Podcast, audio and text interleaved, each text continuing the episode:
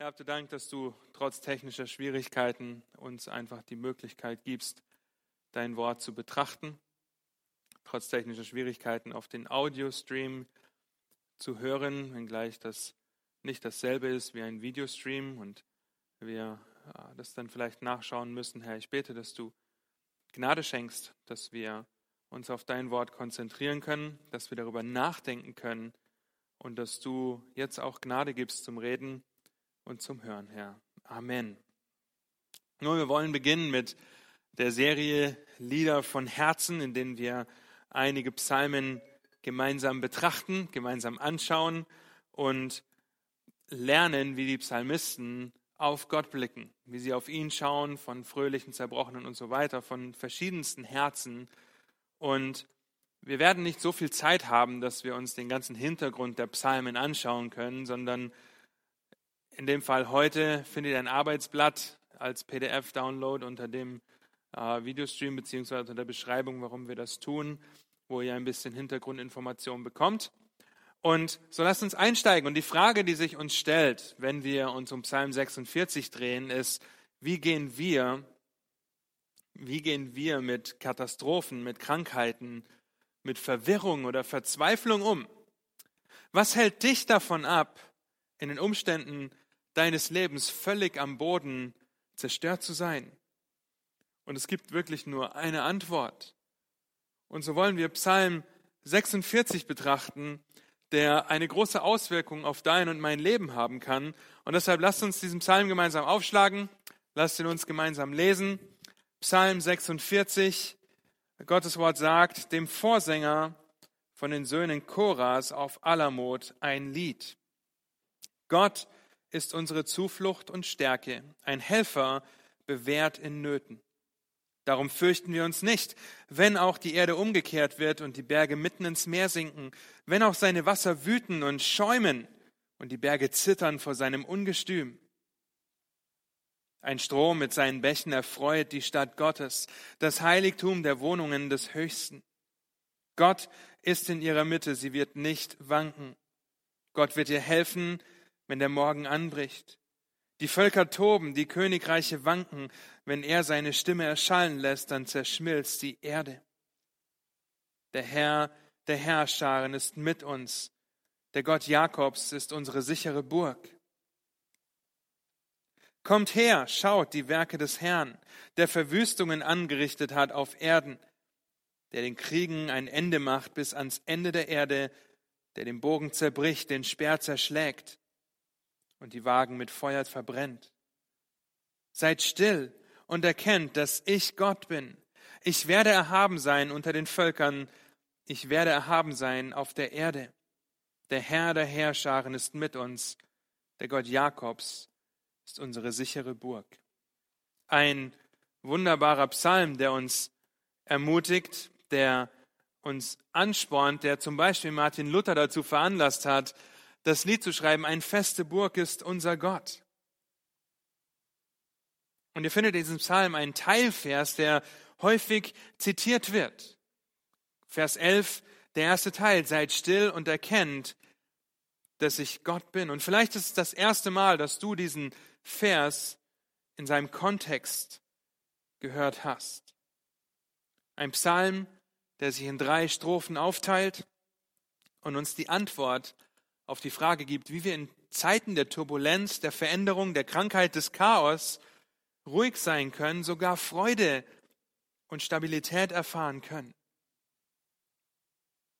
Jeder von uns ist herausgefordert. Krankheit, Beziehungen, Einschränkungen finanzieller oder familiärer Art. Du lebst in einer gefallenen Welt, spürst die Auswirkungen des Falls, des Sündenfalls und das ist schnell möglich, Angst zu bekommen verzweifelt zu sein. Und es ist so wunderbar, dass die Bibel uns diese Wahrheit aufzeigt, aber auch die Antwort gibt, wohin wir fliehen sollen und wie wir in solchen Zeiten still sein können. Und die Antwort auf die Frage, warum kann ich still sein, die findet ihr in Vers 2. Gott ist unsere Zuflucht und Stärke, ein Helfer, gegenwärtig in Nöten. Und so möchte ich euch drei Gliederungspunkte geben, die gleichzeitig auch die Anwendung sind für dich, Dinge, die du dir vor Augen halten kannst. Und in den Versen zwei bis vier sehen wir, dass wir uns nicht fürchten müssen inmitten der Herausforderungen unseres Lebens, weil unser Gott mit dir ist. Oder noch persönlicher ausgedrückt, fürchte dich nicht inmitten der Herausforderungen deines Lebens, weil dein Gott mit dir ist. Habt ihr das gelesen in Vers 2? Wir haben einen persönlichen Gott. Der Psalmist schreibt nicht, Gott ist Zuflucht, Gott ist Stärke und Hilfe. Nein, er verbindet das mit diesem Personalpronomen. Gott ist unsere Zuflucht. Er ist der Ort der Geborgenheit. Hinter dicken Schutzmauern fallen die Tore zu, damit der Feind nicht eindringen kann. Gott ist unsere Hilfe, bewährt in Nöten.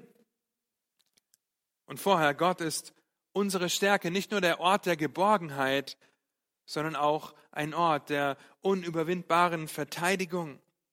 Und Gott ist unser Helfer, Gott ist dein Helfer, bewährt in Nöten. Und das wird vielleicht nicht ganz so deutlich, wie es gemeint ist in den Übersetzungen. Denn bewährt in Nöten kann auch damit übersetzt werden, zu sagen gegenwärtig oder sehr präsent in Nöten.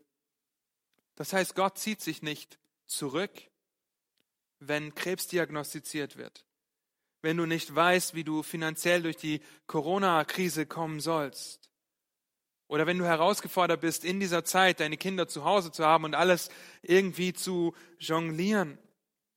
Er zieht sich nicht zurück, er ist gegenwärtig in der Not.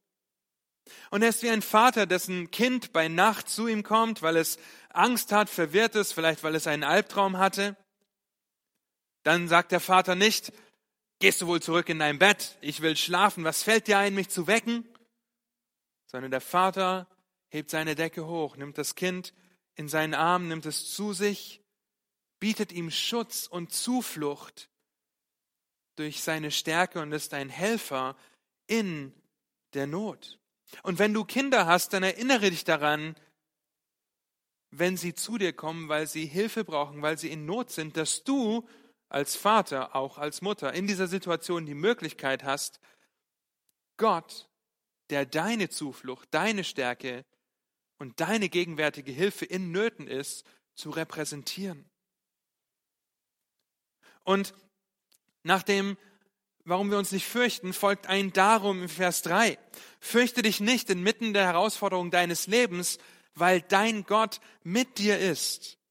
Und wir leben in einer Welt, die sich so schnell verändert, zurzeit von Tag zu Tag neue Informationen, wie wir mit Corona umgehen sollen, wie wir uns verhalten sollen.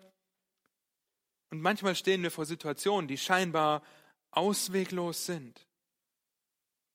Das mag stimmen, was der Psalmist schreibt, sagst du dir vielleicht, aber er kennt meine finanzielle Situation nicht, aber er weiß nicht, wie meine Kinder rebellisch sind und wie ich Schwierigkeiten habe in ihnen, aber er weiß nicht, ob ich meinen Job nächste Woche zurückbekomme oder nicht.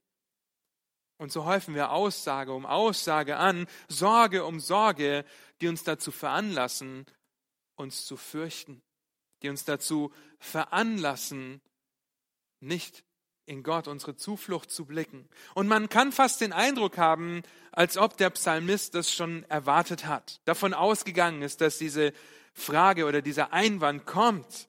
Denn gleich mit vier Beispielen macht er deutlich, dass wir uns nicht fürchten müssen und leitet das mit diesen Worten ein, wenn auch. Und er benutzt Elemente, die wir mit Stabilität oder auch mit Ruhe verbinden und setzt sie in ein turbulentes, in ein lautes, chaotisches, unstabiles und beängstigendes Licht. Wenn auch die Erde umgekehrt wird, wenn auch die Berge mitten ins Meer sinken, wenn auch seine Wasser wüten und schäumen, wenn auch die Berge zittern.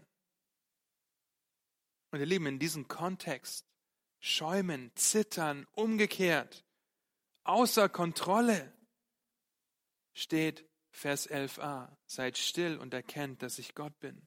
In diesem Kontext steht, dass turbulenter Zeiten, selbst wenn Naturgewalten wie ein Coronavirus um uns herum wüten. Nicht, wie wir so häufig meinen, in das Idyll bei WDL, wo wir ruhig am Köriser See sitzen können und unsere Ruhe genießen und erkennen können, dass Gott Gott ist. Nicht in die Idealvorstellung von Familie, von Finanzen, von Gesundheit oder Arbeit. Und seht ihr, so schnell verbinden wir mit Vers 11, seid still und erkennt, dass ich Gott bin. Ruhe, die wir brauchen, bevor wir das erkennen können. Aber der Psalmist verbindet diesen Vers 11 mit Chaos, mit Katastrophen, mit Instabilität, mit Wanken, Umkehren, Schäumen und Zittern. Alles andere als eine ruhige Situation. Darum fürchten wir uns nicht, weil Gott mit uns ist. Er ist deine Zuflucht, er ist deine Stärke, er ist dein gegenwärtiger Helfer in der Not. Und um das noch besser zu verstehen, ist es hilfreich, sich einen Antipsalm vor Augen zu führen, der sich etwa, so an, etwa so anhören könnte.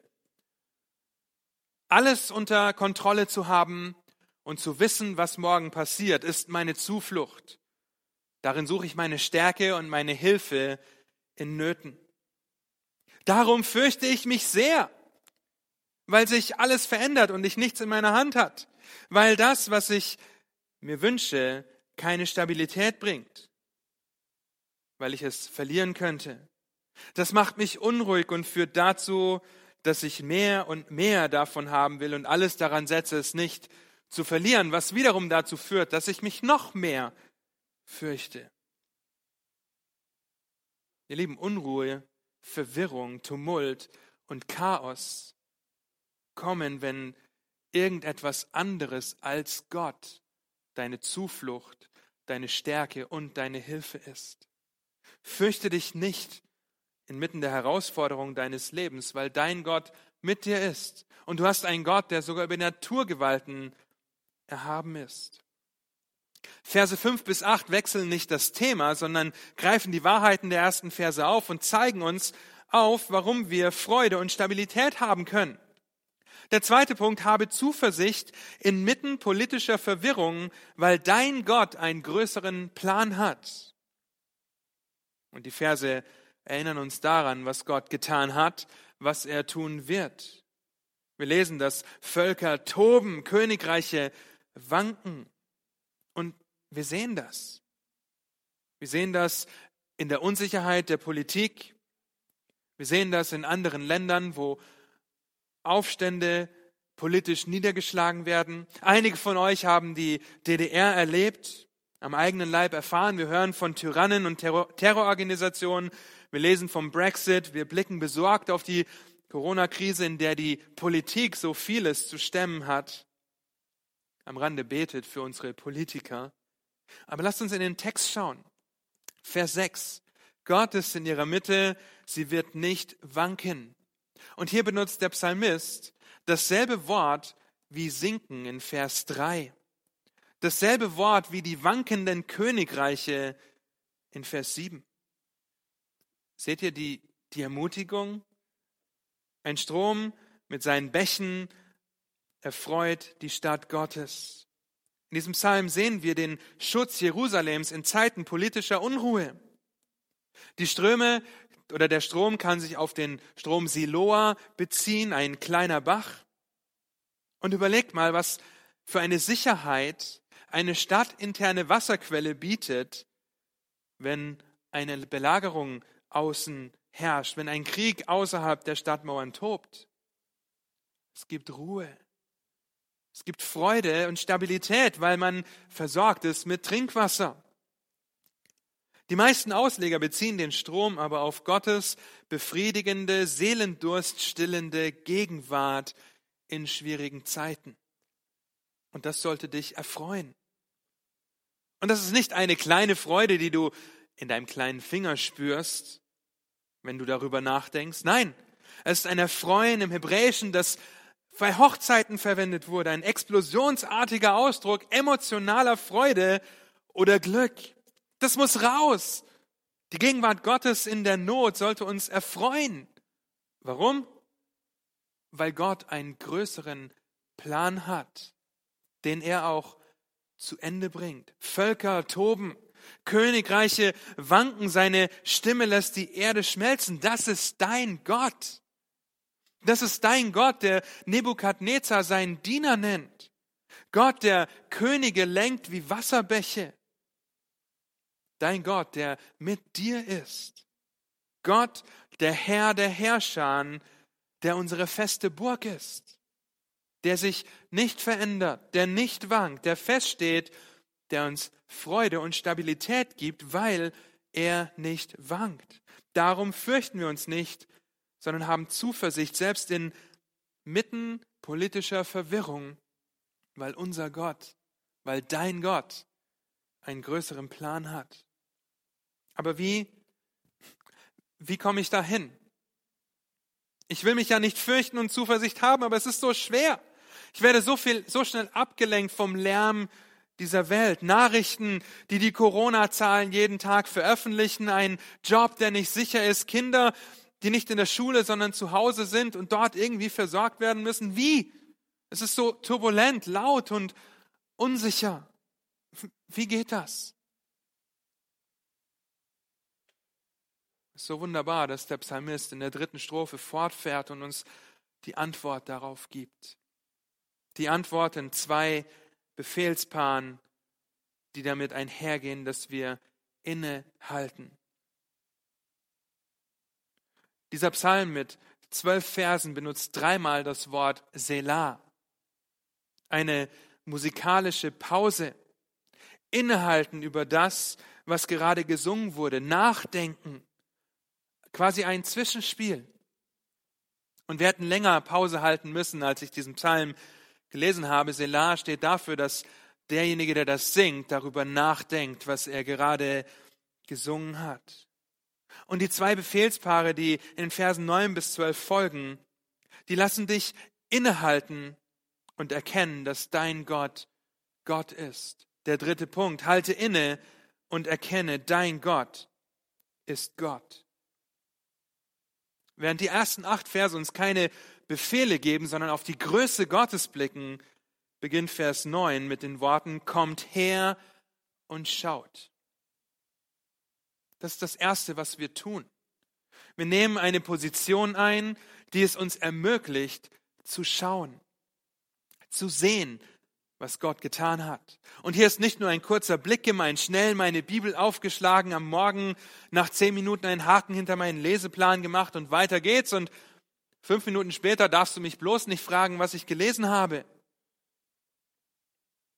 Und ihr Lieben, das ist unsere Sorge, dass ihr mehr kommt und schaut, was die Nachrichten sagen, was das Weltgeschehen oder dein Arbeitgeber von sich gibt dass du sogar bereit bist, dich mit anderen Informationen vollzustopfen, die dich davon abhalten, zu kommen und zu schauen, die Taten des Herrn. Komm und schau, was Gott getan hat. Es ist wie die Wanderung mitten in der Nacht durch einen Wald, um in eine Lichtung zu kommen, nur um sich in dieser Lichtung auf den Boden zu legen und den Sternenhimmel zu bestaunen, zu bewundern.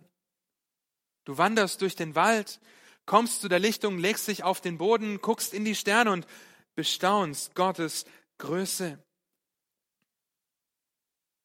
Es ist wie die Wanderung auf einem Berg, nur um, eine, um auf eine Aussichtsplattform zu kommen, um dann zu schauen, die wunderbare Landschaft zu betrachten, innezuhalten und zu sehen, was Gott geschaffen hat. Staune über Gott, der seinen Plan vollendet, souverän über allem thront. Lese zum Beispiel Jeremia 25 bis 29 und staune, wie Gott Königreiche präzise ein- und absetzt. Lies das Alte Testament, um die großen Taten deines Gottes anzuschauen.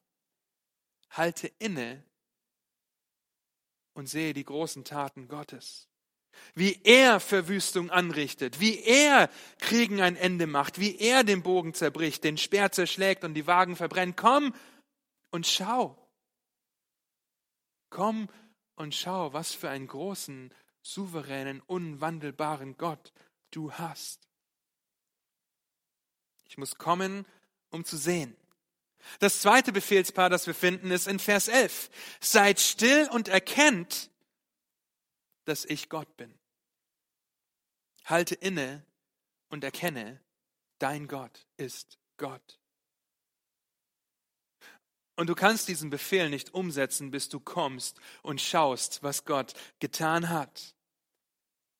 Wenn du seine unwandelbaren Werke siehst, dann kannst du still sein. Und still sein bedeutet wörtlich, und die Menge Übersetzung hat das so übersetzt, abzulassen oder loszulassen.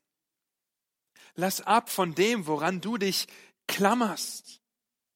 Es geht nicht um deinen Plan, um dein Reich, um deinen Willen. Wenn das so ist, dann trifft der Antipsalm auf dich zu. Kein Wunder bist du unruhig, bist du verzweifelt, bist du gehetzt. Du bist nicht Gott. Halte inne und lass ab von dem, was du festhältst. Wie ich mir meine Ehe, meine Kinder, Finanzen oder Karriere vorgestellt habe. Erkenne, dass dein Gott Gott ist. Und dieses Erkennen ist viel mehr als nur Informationen über Gott zu haben. Es ist ein Kennen, das dich ruhig macht, ein intimes Kennen. Kenne dein Gott. Schaue auf die großen Taten und er wird dich ruhig machen. Er wird dich furchtlos machen. Er wird dich zuversichtlich machen. Gott ist es, der erhaben sein wird. Gott ist es, der erhaben ist. So kann man diesen Teil des Verses in der Gegenwart oder Zukunft übersetzen, weil er seine Erhabenheit durch sein zielgerichtetes und definitives Handeln bezeugt, aufzeigt. Deshalb ist er unsere feste Burg. Deshalb blicken wir auf ihn.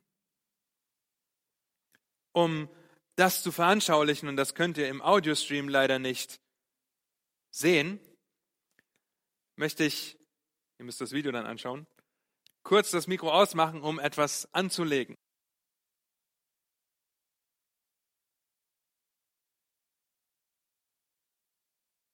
Nun, ihr seht das nicht im Audiostream, vielleicht hört ihr es ein bisschen. Ich habe mir eine Maske aufgesetzt, einen Mund- und Atemschutz, wie wir ihn heute so häufig sehen und vielleicht selber am Arbeitsplatz anlegen müssen. Ein Schutz, der einem vielleicht Geborgenheit liefert. Ein Schutz, der uns vielleicht Stärke vermittelt, weil uns ein Virus nichts anhaben kann, wobei dieser Schutz eher für den Schutz der anderen da ist. Ein Schutz, den wir sehr schnell als Hilfe in Not sehen können. Und ich möchte dich ermutigen, darüber nachzudenken, was ist die Maske, deines Herzens. In turbulenten Zeiten, was ist die Maske, die deinem Herzen Schutz bietet, zuverlässigen Schutz bietet?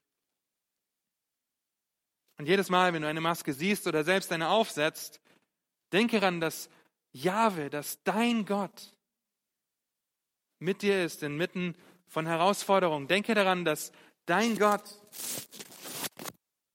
einen größeren Plan hat und souverän über allem thront. Denke darüber nach, was dein Gott getan hat, dass er erhaben ist, dass er groß ist. Halte inne und erkenne, dein Gott ist Gott. Kennst du deinen Gott? Kennst du Gott überhaupt? Oder machst du dich folgender Gedanken schuldig? Wenn nur meine Umstände anders wären, könnte ich ja ruhig sein. Wenn ich nur bei WDL am Köriser See wohnen würde, in diesem wunderschönen Idyll am See, wäre es möglich, furchtlos und zuversichtlich zu sein, weil die Internetstabilität nicht gegeben ist und ich keine Nachrichten gucken kann. Nein, aber in all meiner turbulenten, lauten, unzuverlässigen Welt, nun erinnere dich, in welchem Kontext dieser Psalm oder dieser Vers steht. Sei still und erkenne dein Gott ist Gott. Der Psalmist konnte ruhig sein. Und wisst ihr was? Wir haben so viel mehr als die Psalmisten. Sie haben darauf gewartet, dass Christus kommt. Wir wissen, dass Christus gekommen ist, für uns gestorben ist, für uns auferstanden ist, dass der Heilige Geist in uns wohnt. Das war nicht die Realität für den Psalmisten, auf die er zurückblickt, sondern das, auf was er gewartet hat. Wir blicken auf das Kreuz und wir blicken auf die größte Turbulenz, Unsicherheit und das größte Chaos, das Gott am Kreuz weggenommen hat, die Sünde. Als Christus für deine und meine Schuld am Kreuz bezahlt hat, die Trennung aufgehoben hat. Und dann kommen uns die Worte unseres Herrn in den Sinn, die er in Matthäus 11 sagt, in Vers 28, die vielleicht im Angesicht dieses Psalmes, wo wir herkommen sollen und die Taten des Herrn bestaunen sollen und stille sein sollen, in den turbulentesten Zeiten, die wir uns vorstellen können, wo, diese Vers, wo dieser Vers vielleicht noch ermutigender ist, wo Jesus sagt, kommt her zu mir alle, alle, die ihr mühselig und beladen seid, so will ich euch erquicken. Nehmt auf euch mein Joch, mein Joch ist sanft und meine Last ist leicht. Ihr Lieben, flieh zu deinem Herrn, der deine Zuflucht, deine Stärke und deine gegenwärtige, sehr präsente Hilfe ist. Fürchte dich nicht vor den wandelbaren Umständen der Welt und der Umstände, weil du einen unwandelbaren Gott hast. Flieh zum Herrn, der deine Freude und Stabilität ist, der dich erquickt wie ein Strom in einer belagerten Stadt. Habe Zuversicht inmitten politischer Verwirrung, weil dein Gott seinen Plan vollendet. Flieh zum Herrn, komm und sieh seine Taten an. Lass ab, lass ab und erkenne, dass dein Gott Gott ist dass er erhaben ist über die Erde und erhaben ist über die Völker. Flieh zum Herrn, du, der du mühselig und beladen bist, so wird er dich erquicken. Lass mich beten. Treuer Gott und Vater, habt du Dank, dass du uns diesen wunderbaren Psalm gegeben hast, der die größten Turbulenzen, die größten Unruhen, das größte Chaos wanken, schäumen, zittern, toben, uns aufzeigt, ja, und in dieser Situation uns aufzeigt, wie wir still sein können, wie du unsere Zuflucht bist, wie du unsere Stärke bist, unsere Hilfe, unsere Burg, wie du uns erquickst, wie du uns erfreust, wie du uns Stabilität schenkst, weil du nicht wankst und jeder, der an dich glaubt, nicht wankt. Und so bete ich, dass du Gnade schenkst, gerade in dieser herausfordernden, turbulenten Zeit, dass wir zu dir kommen, die wir mühselig und beladen sind, weil wir keine Kontrolle haben, weil wir keine Macht haben, weil wir keine Ahnung haben, was morgen sein wird, damit du uns erquickst, Herr.